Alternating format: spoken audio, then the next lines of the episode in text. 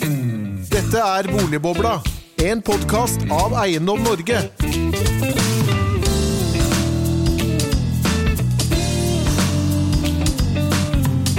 Mitt navn er Erik Lundesgaard. Jeg er sjef for eh, kommunikasjon og politikk i Eiendom Norge. Og jeg må jo si jeg er jo stolt av at sykepleierindeksen har blitt hva det er blitt.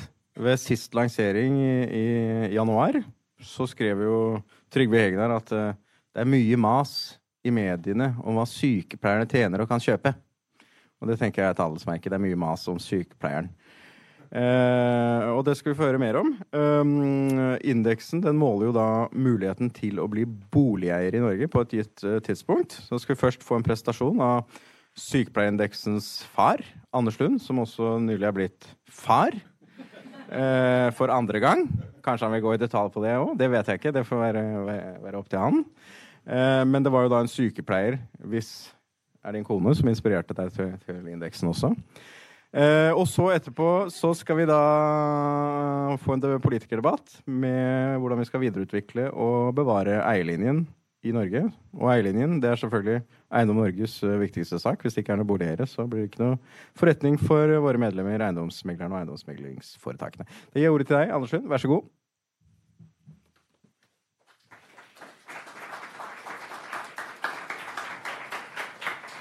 Takk for det, Erik. Jeg er veldig glad i min kone. Ja, så spesielt glad at hun er sykepleier, og spesielt med den fødselen jeg faktisk hadde, siden du tok det opp. Så ble det født i bilen, og hun tok imot selv. Så da var det deilig at det var den utdannelsen som var. Da var i hvert fall, Jeg var ikke rolig, men jeg kan herved si at jeg aldri blir nervøs på presentasjoner eller noe som helst. Da kan jeg bare tenke tilbake.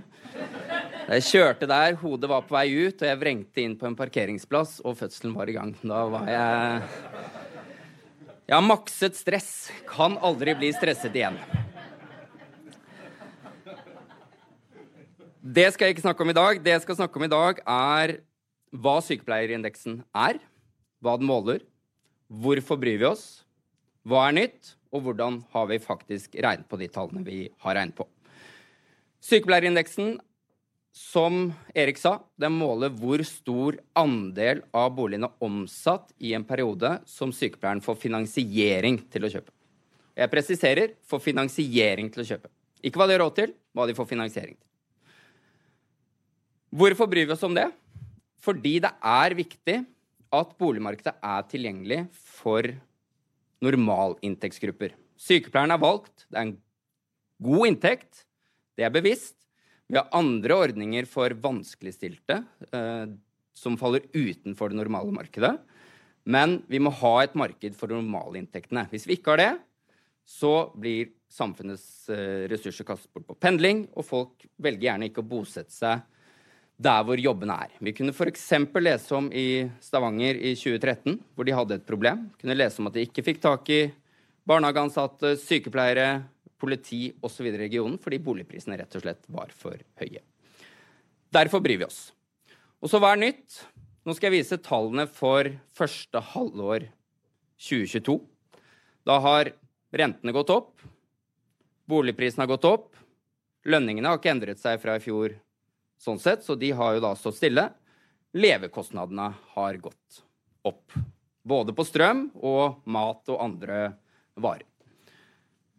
Men det er fortsatt sånn at det ble omsatt totalt sett 50 000 boliger gjennom megler siste halvår.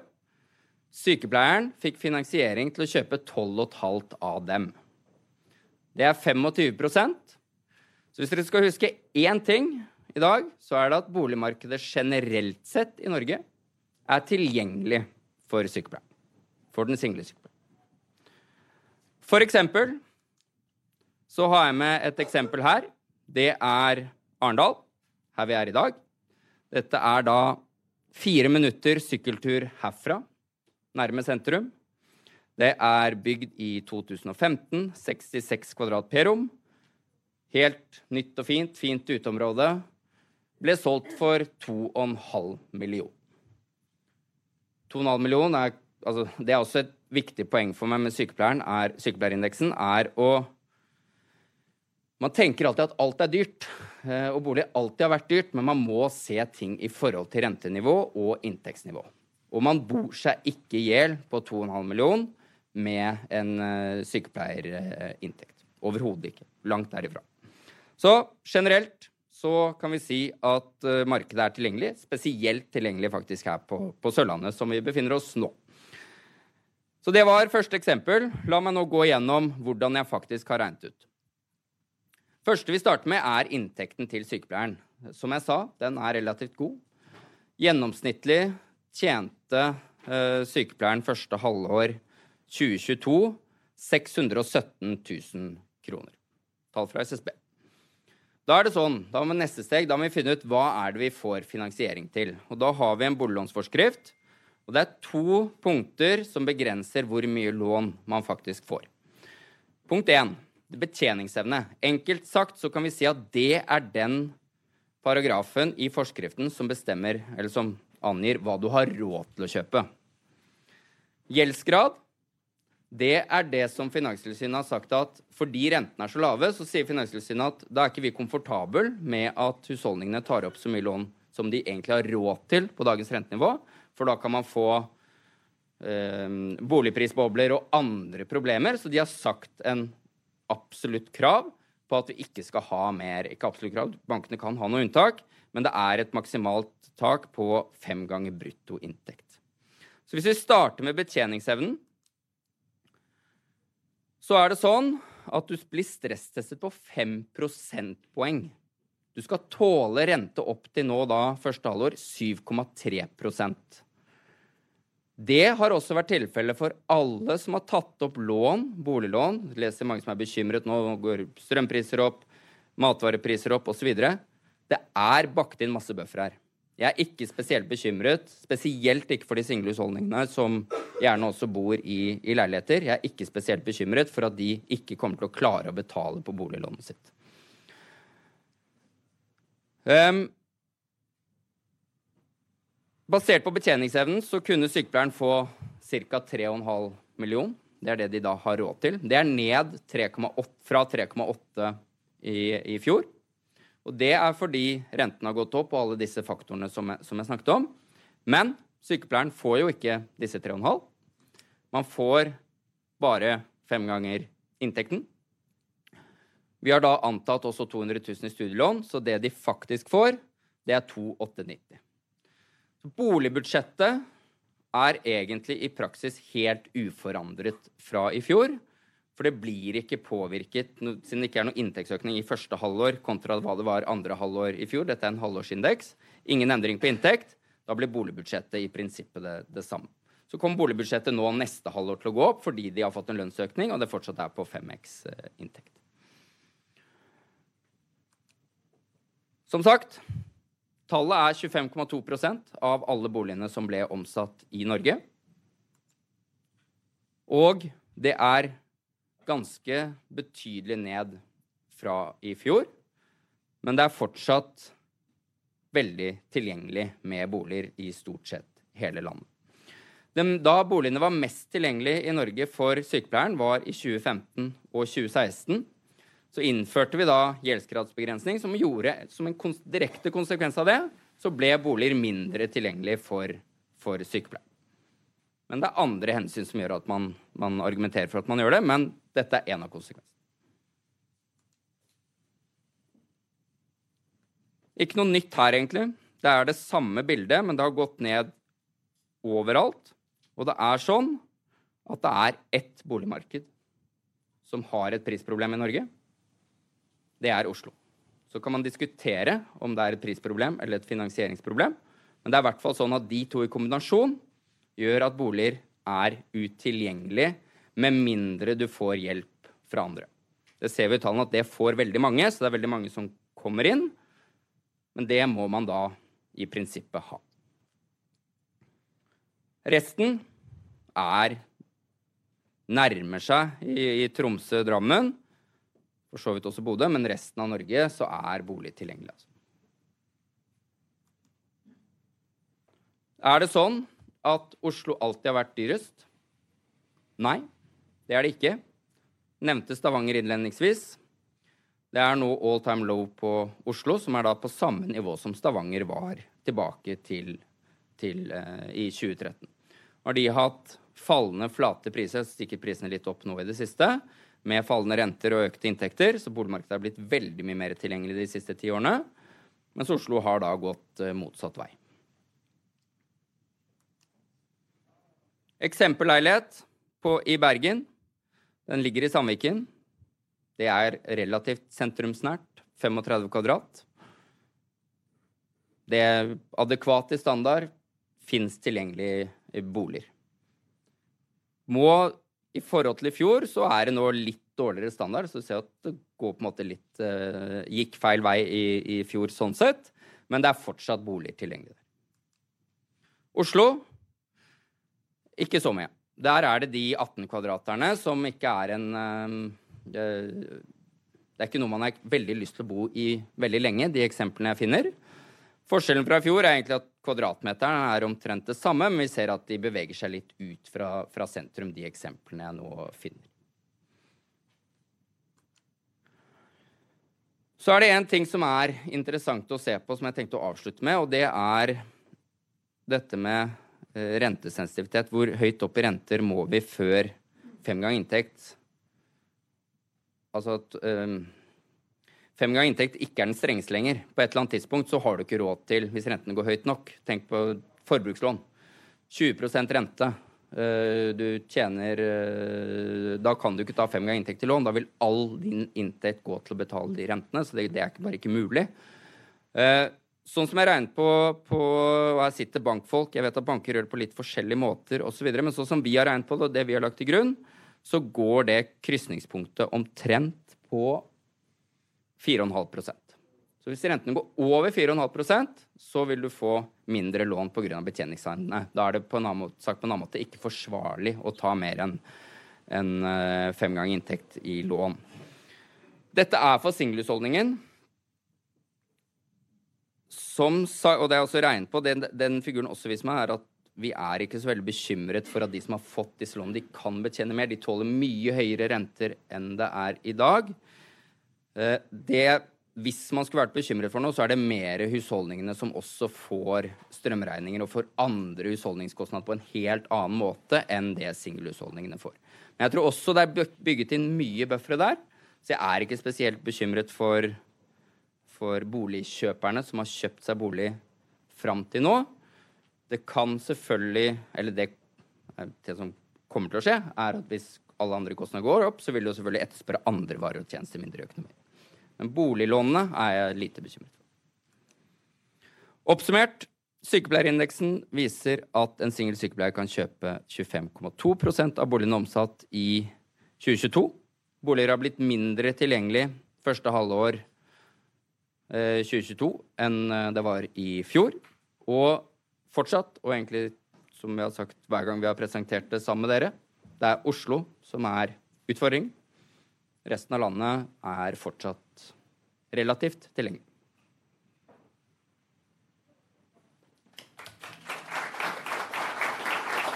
Hjertelig takk, Anders. Alltid veldig interessant å høre dine vurderinger og utvikling i sykepleierindeksen. Da skal vi få opp uh, politikerpanel. Uh, vi har fått med oss uh, Det blir ikke byrådslederkandidat helt ennå, men nominert blir vel, eller hva vi kaller det, snart til byrådslederkandidat for Oslo Høyre.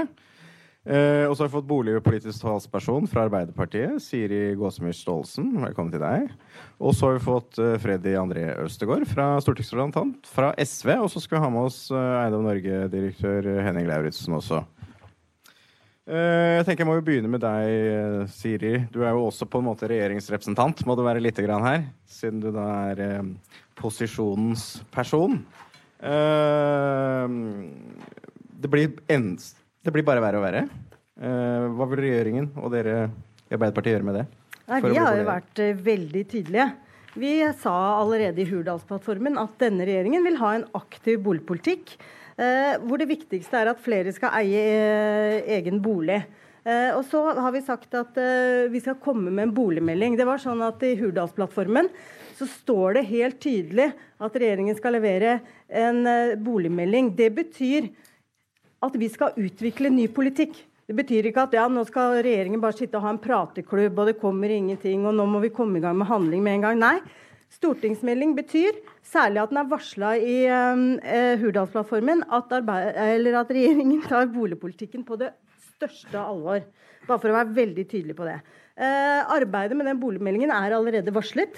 Uh, det kom en pressemelding i sommerferien som viser at Kommunaldepartementet er i gang. Så da håper jeg dere kommer til å være aktive bidragsytere inn i det arbeidet med å få fram en aktiv politikk for, for boligpolitikken. Så sier vi bare, Jeg kan bare si litt mer om hva vi sier. da. Vi sier at det er viktig å legge eh, til rette for å bygge flere boliger. Og Det regner jeg med er noe vi skal snakke mye om her. Men vi sier også at det å ha gode bomiljø er viktig, og det å ha en klimavennlig byggenæring er viktig. Så det er de fire stolpene som vi sier at vår politikkutvikling skal bygge på. Eh, og det arbeidet er i gang. Og så sier vi også at eh, Husbanken skal eh, være en viktig aktør i arbeidet med den boligpolitikken som vi skal utvikle fremover. Så tar vi jo selvfølgelig på det største alvoret det, den eh, prisutviklingen som har vært i Oslo. Og Derfor så er det jo bra at uh, alle partiene nå sant, går inn i programprosesser, også Oslo Arbeiderparti. Uh, og Der skal det jo selvfølgelig diskuteres hva skal, eh, hva skal, vi gjøre med plan- og bygningsetaten, sånn at vi får fortgang i reguleringsarbeidet? Hva skal vi be regjeringen gjøre for å få fortgang i reguleringsarbeidet ved å gjøre endringer i plan- og bygningsloven? Jeg er faktisk også ganske sikker på at leilighetsnormen kommer til å bli debattert der. Så mener jeg at det er gode grunner for å ha en leilighetsnorm i sentrumsbydelene. Men, men tiden er inne nå for å også være med å påvirke Oslo Arbeiderpartis programprosess. Jeg inviterer dere til det. Ta kontakt med Oslo Arbeiderparti eh, og ta kontakt med regjeringspartiene, stortingsgruppene, for å være med å bidra inn i boligmeldingen. Ikke bare sitt og vent på invitasjon fra departementet. Ta kontakt med oss. Vi lytter. Og lærer. Det skal, ta, det skal, vi ta, til oss. Vi skal plage statsråden.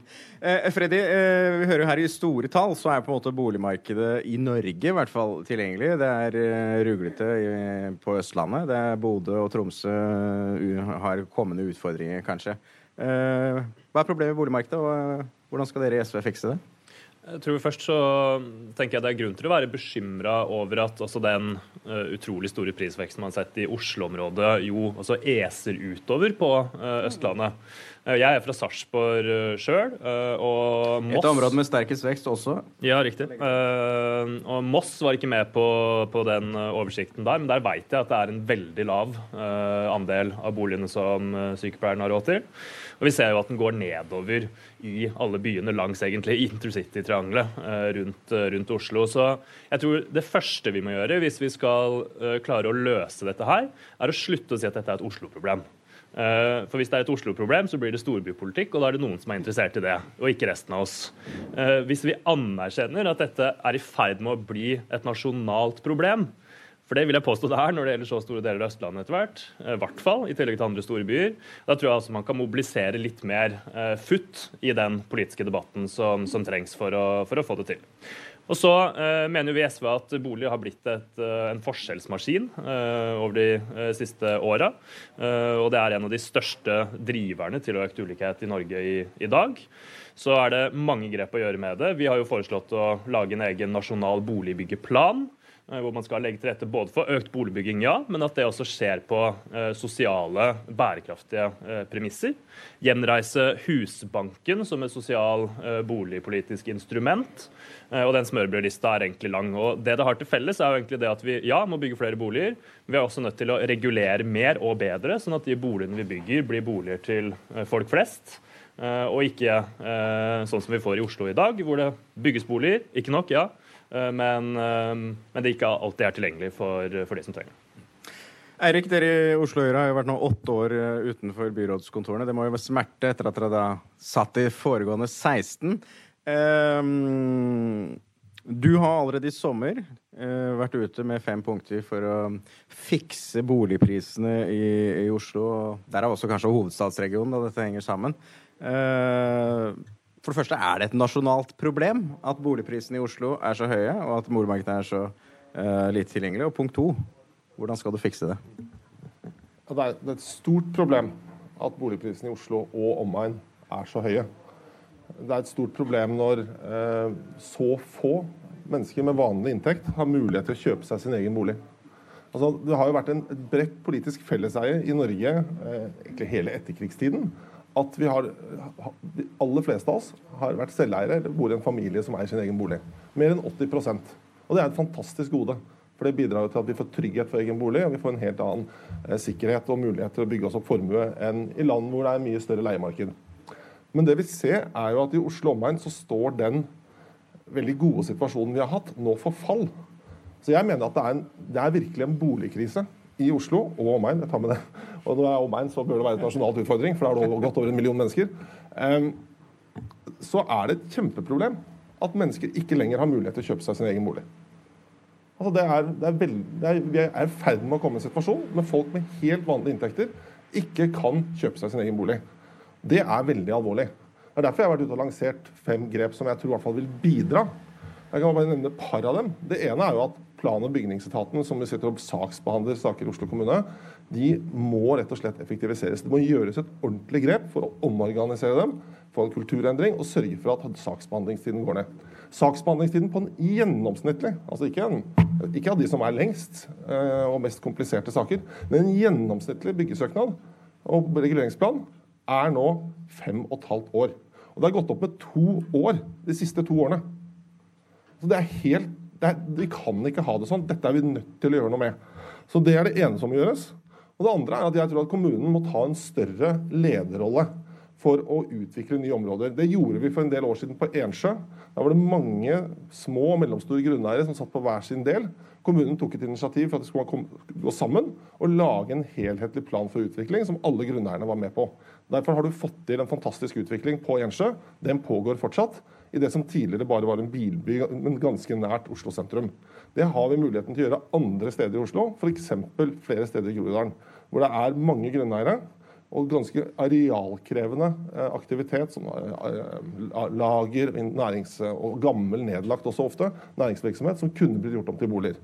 Og Det tredje jeg bare peker på her, vi har ikke tid til alt, her, men det er at vi også må slippe til, hvis det er en privat eller to-tre private grunneiere som ønsker å utvikle et område, så må de få lov til å legge fram en privat områdeplan. Det har de ikke anledning til i Oslo i dag.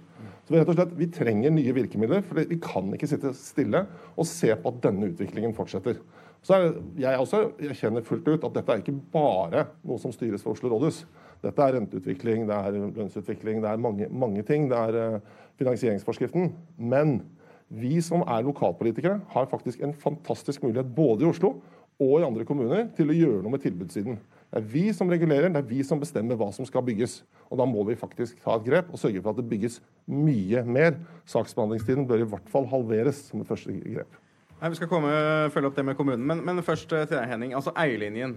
Det er jo en av Norges eh, viktigste sak, eh, som jeg nevnte her. Hvordan har du gått med eierlinjen i Norge, for det første? Og for det andre, kan dette plutselig bli rasert? Altså, eh, jeg, jeg, tror kanskje ikke vi kan si så veldig mye om politikken har påvirket eierlinjen kraftig så langt. Men, men, vi har sett noen tegn. Og det vi har sett, er at andelen som eier egen bolig i Norge, har gått ned med ett prosentpoeng de siste seks årene. Og den har gått særlig ned i Oslo. Og så kan vi jo gjette at det kan være noen sammenhenger mellom hvor lett det er å komme inn på eiemarkedet, og hvordan utviklingen i leiemarkedet vil være. Eh, hvis vi ser på Storbritannia, så har man altså i løpet av en 20-årsperiode hatt en eh, Man kan mange, mange måter si det, at man har gått fra et eiersamfunn til å bli et samfunn hvor man vel så gjerne leier. Og det er også særlig preget av eh, vanskelighetene med å komme inn på boligmarkedet i noen sentrale områder. Og så kan man jo tenke seg at det er kanskje verre å komme inn på boligmarkedet i, i London osv.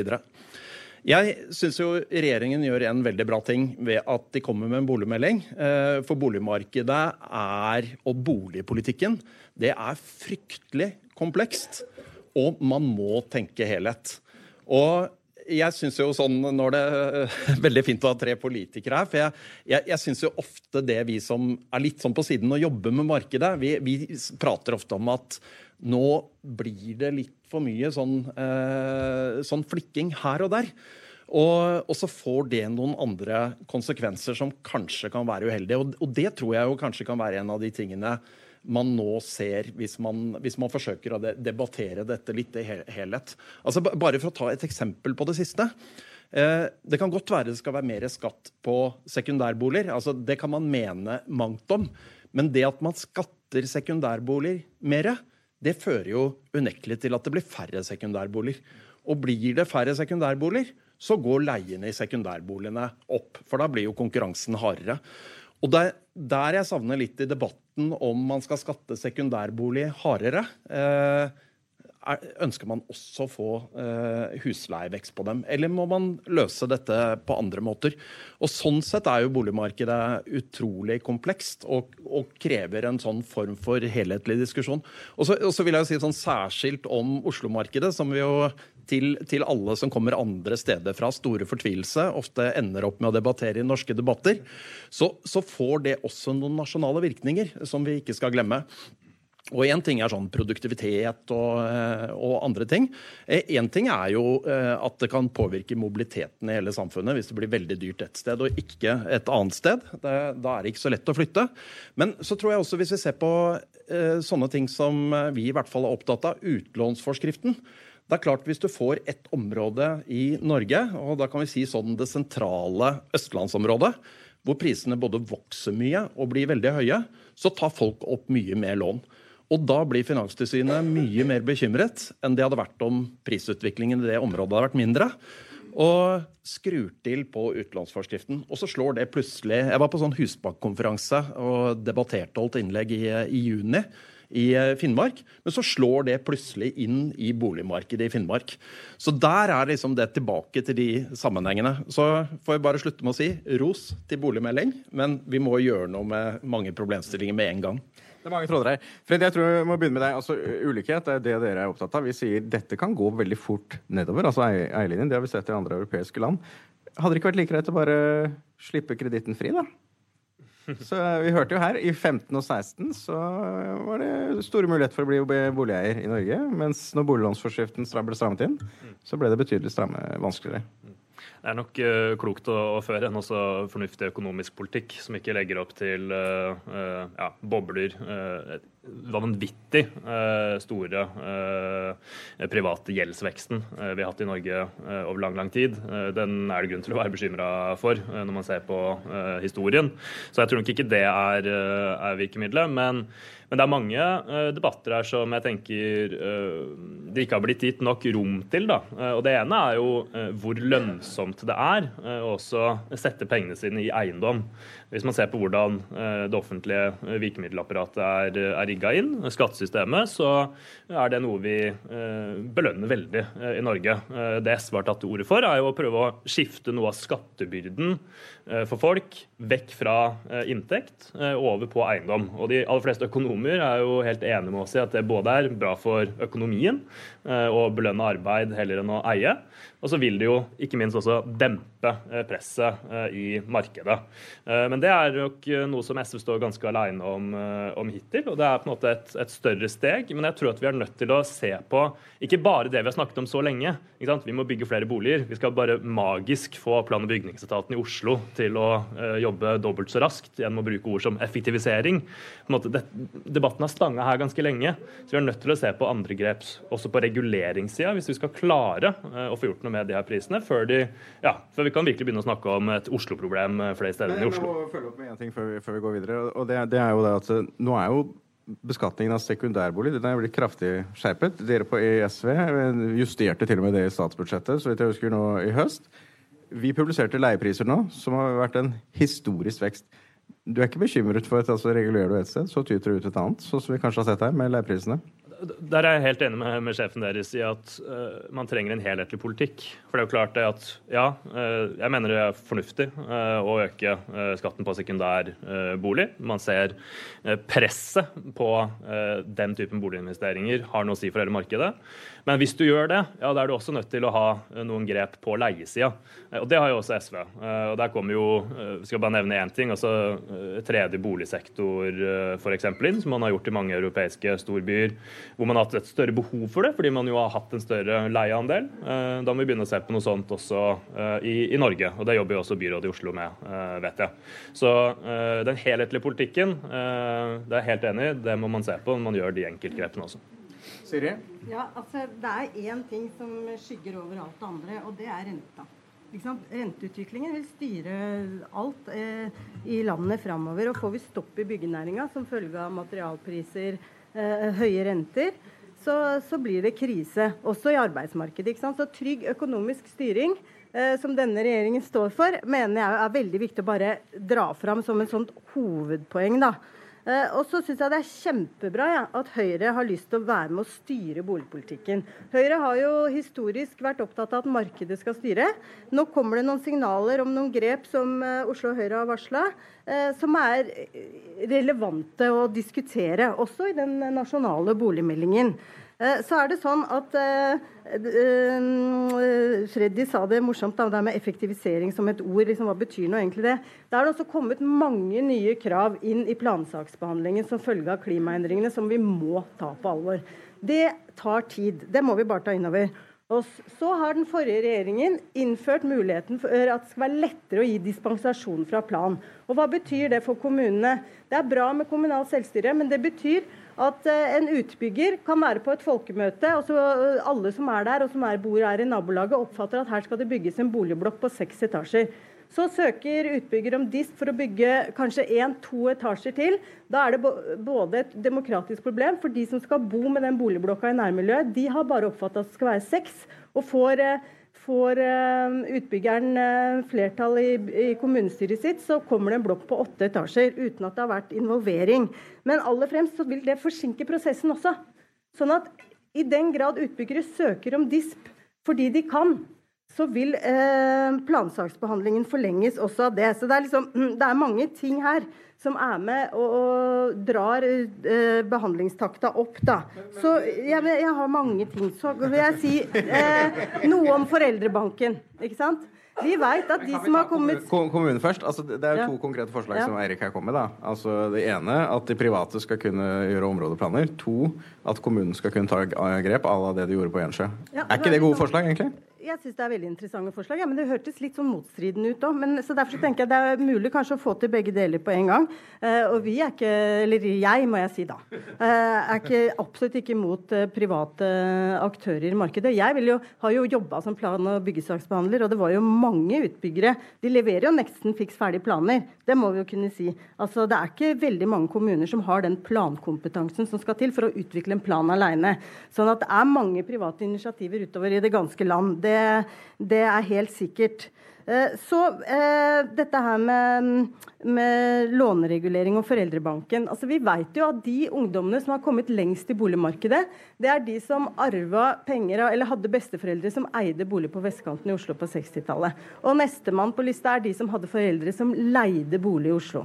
Sånn at arv betyr veldig mye i dette eh, boligmarkedet nå. Eh, skal du få råd til eh, å kjøpe, så bør du helst ha besteforeldre fra Oslo, og heldigvis har mine barn det. Eh, så det er gullkortet for, eh, for, meg. Og det er litt fælt at det skal være sånn. Det er urettferdig. Det skaper en eh, altså Da blir boligmarkedet en ulikhetsmaskin, som har et, vært et sånt mantra fra venstresiden i hele forrige stortingsperiode. Men det er riktig også. Det er urettferdig at eh, hvor mye du arver, skal ha noe å si om du får kjøpt deg din første bolig når du er 25 eller 35. Churchill at det beste er at noen har spart for deg. Så. Ja, ja, nettopp. Men så er det det der med utlånsforskriften. Altså, da jeg lånte bolig, så fikk vi låne tre ganger inntekten. Nå kan man låne fem ganger inntekten. Det betyr at vi, eller ungdom nå, bruker lengre tid på å betale ned sitt første lån enn det jeg gjorde. Sin første bolig.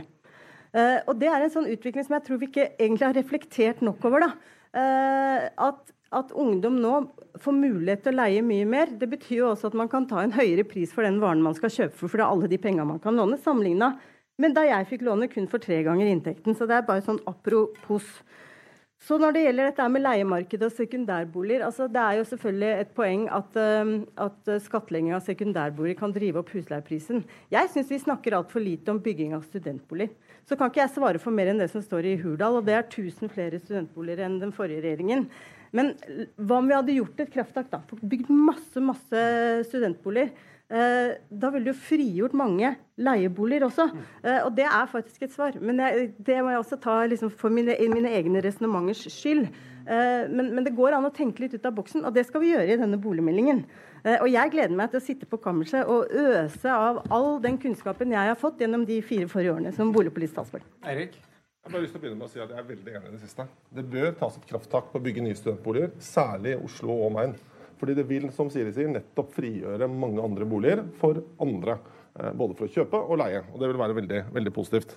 Eh, og så har jeg bare lyst til å si at Det ble sagt liksom her at ja, det er riktig at Høyre har vært tilhenger av et markedsdrevet eh, boligsektor. Og Det mener jeg har vært en stor fordel for det norske boligmarkedet og gjort det mulig for oss å få i, i mange perioder fått ganske mye nybygging og stor selveiergrad. Og Det er det viktig at vi tar vare på. Eh, det at det er markedsdrevet, betyr også at det er noen kjøpere som blir selveiere. og Det er veldig positivt.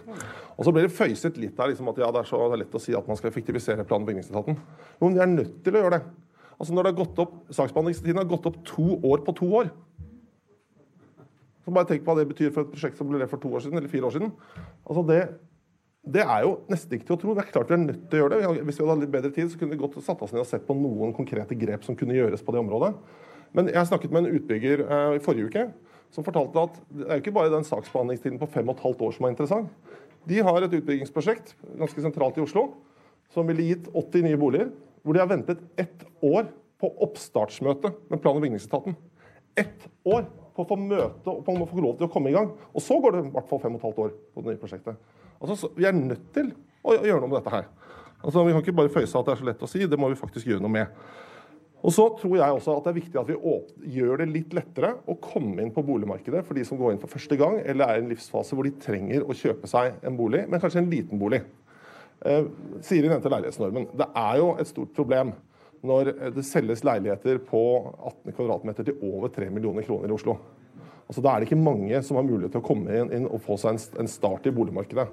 Og Det er ikke bare den grensen på 35 kvadratmeter som er et problem. Jeg mener at den burde vært noe lavere. at vi burde justert den. Men det er også det at det blir bygget veldig få leiligheter, eller det er regulert hvor få leiligheter som skal bygges i størrelsen 35 50 og 35 60 kvadratmeter. Som ville vært veldig aktuelt for veldig mange. Så det er vi nødt til å gjøre noe med. Fordi vi må gjøre det lettere å komme inn på boligmarkedet. For mange så skal kanskje kjøpe seg en større bolig etter hvert. Men det å komme inn og eie en egen bolig, det er helt ålreit, selv om den er 30 eller 50 kvadratmeter. Og det syns jeg ikke venstresiden skal fortsette å motsette seg.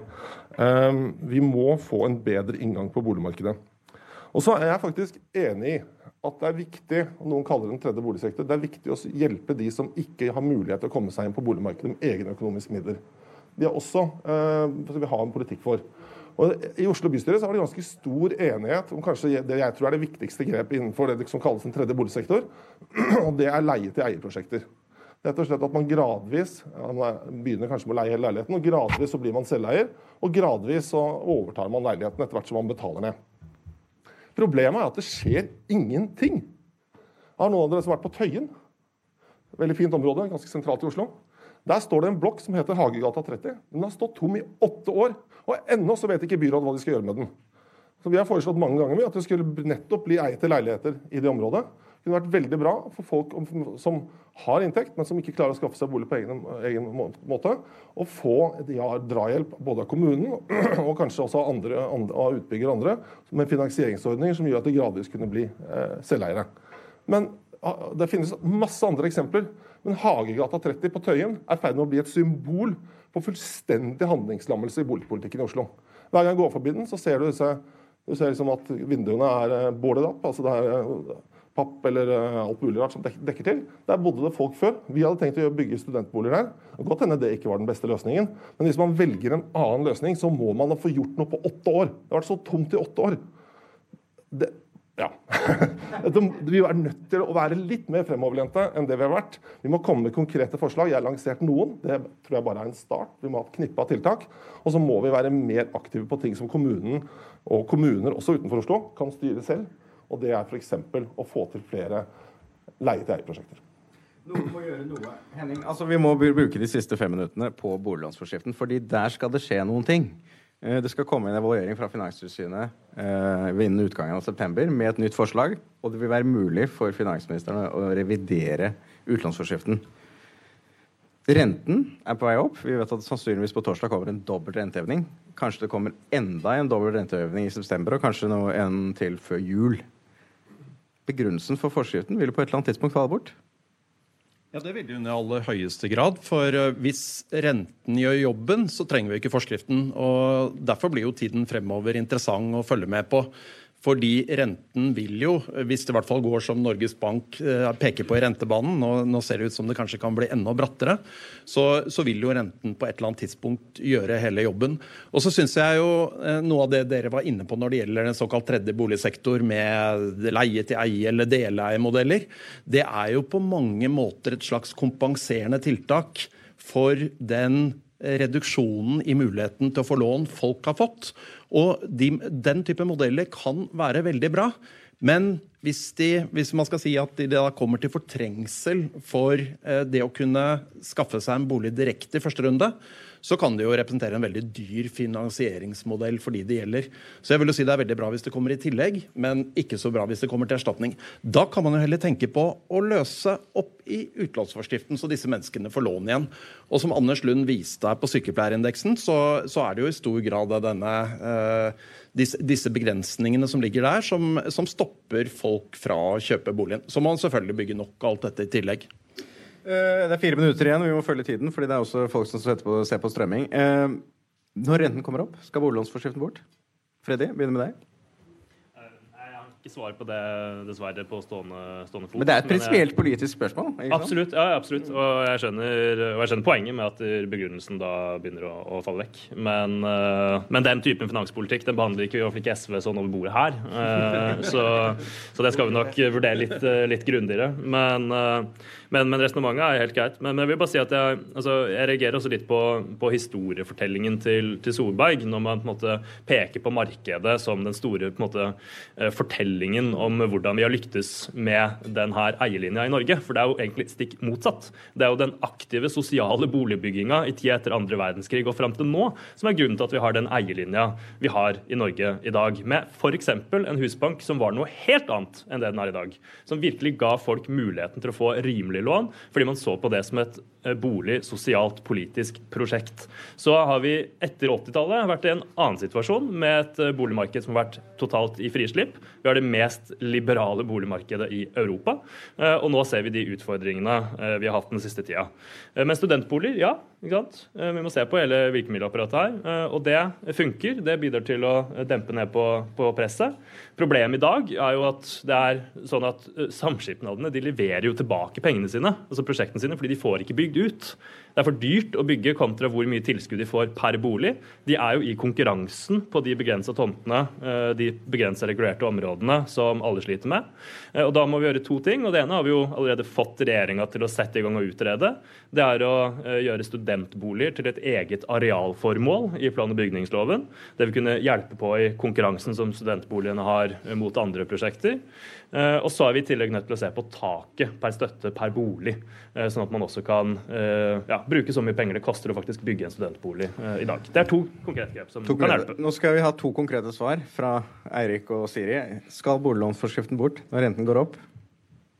Vi skal jo selvfølgelig vurdere den når evalueringen av den kommer til høsten, så det er det ingen her som kan gi noe svar på. Men det jeg kan si, det er at boliglånsforskriften ble innført også for uh, å si til bankene at uh, utlånskåtheten må ned. At bankene måtte gå inn og si kan jeg låne ut til denne? Her må jeg ta de og de vurderingene. Det ble satt en ramme rundt det for at ikke bankene skulle gå over styr i en krise, som bankene har gjort ved å ha hatt dårlige låntagere i en sånn bonanza utlånsperiode. Om det var bankkrisa på 80-tallet, kriser før, eh, krisa i USA. Så bare, Det var liksom forenkling, syns jeg, å si at bare renka går bort, så forholder den bort. Boliglånsforskriften er der for å hjelpe bankene til å si nei til seg sjøl når de blir frista til å låne ut penger som de kanskje ikke får tilbake i krisetid, som kan komme når som helst. Så Det hadde jeg bare litt lyst til å si. Så eh, bare, bare til det der med i tillegg, altså Jeg er enig med Henning at tredje boligsektor skal være i tillegg, ikke til erstatning for. Og eierlinja er, som Freddy sier, en, liksom, det største varemerket for å bygge velferdsstaten for Arbeiderpartiet og arbeiderbevegelsen. Sånn at den er vi veldig, veldig stolt av. Eh, og da er det jo musikk i mine ører eh, å høre Eirik snakke så fint og leie til eierlinja. fordi hver gang Arbeiderpartiet og SV har fremma forslag i Stortinget og gjør det enklere for kommuner å kreve at utbyggere har leie til eie eh, inne i rekkefølgebestemmelsene sine, så har eh, Høyres regjering stemt det ned. Så da håper jeg egentlig at eh, hvis vi gjennom boligmeldingsarbeidet utvikler eh, nytt lovverk rundt det, at eh, de borgerlige kan støtte det. Hvis vi kommer med forslag om det. Eirik, da skal du få 30 sekunder. Boliglånsforskriften bort når renten går opp. Jeg skal, ikke, jeg ikke forskuttere hva man bør gjøre med godlandsforskriften, men det jeg tror man kan gjøre, er å gjøre noen konkrete grep i den. Altså, jeg tror f.eks. at man bør det, gjøre det mulig for bankene, altså gjøre den litt mer fleksibel. Da. Sånn at det er for mulig for bankene å eh, fravike den. F.eks. hvis folk som har betjeningsevne, tar opp lån med langsiktig binding av renten. Det er liksom hvert fall sånne ting man kanskje bør se på.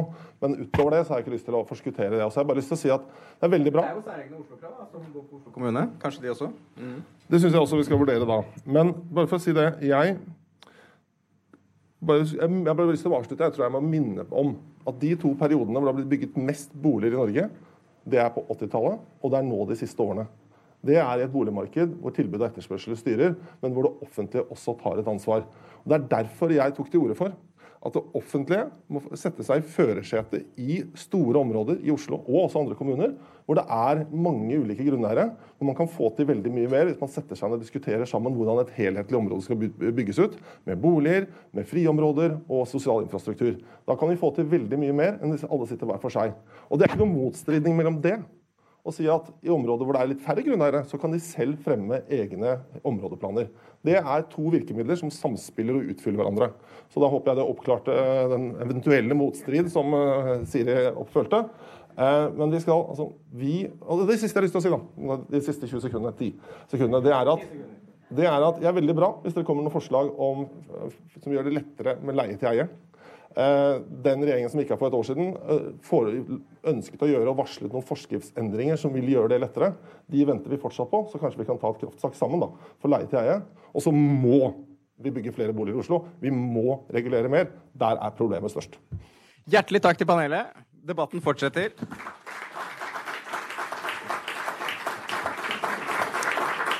Vi lover vi skal komme tilbake med både regjeringens boligmelding og boliglånsforskriften og henge på som en bikkje utover høsten.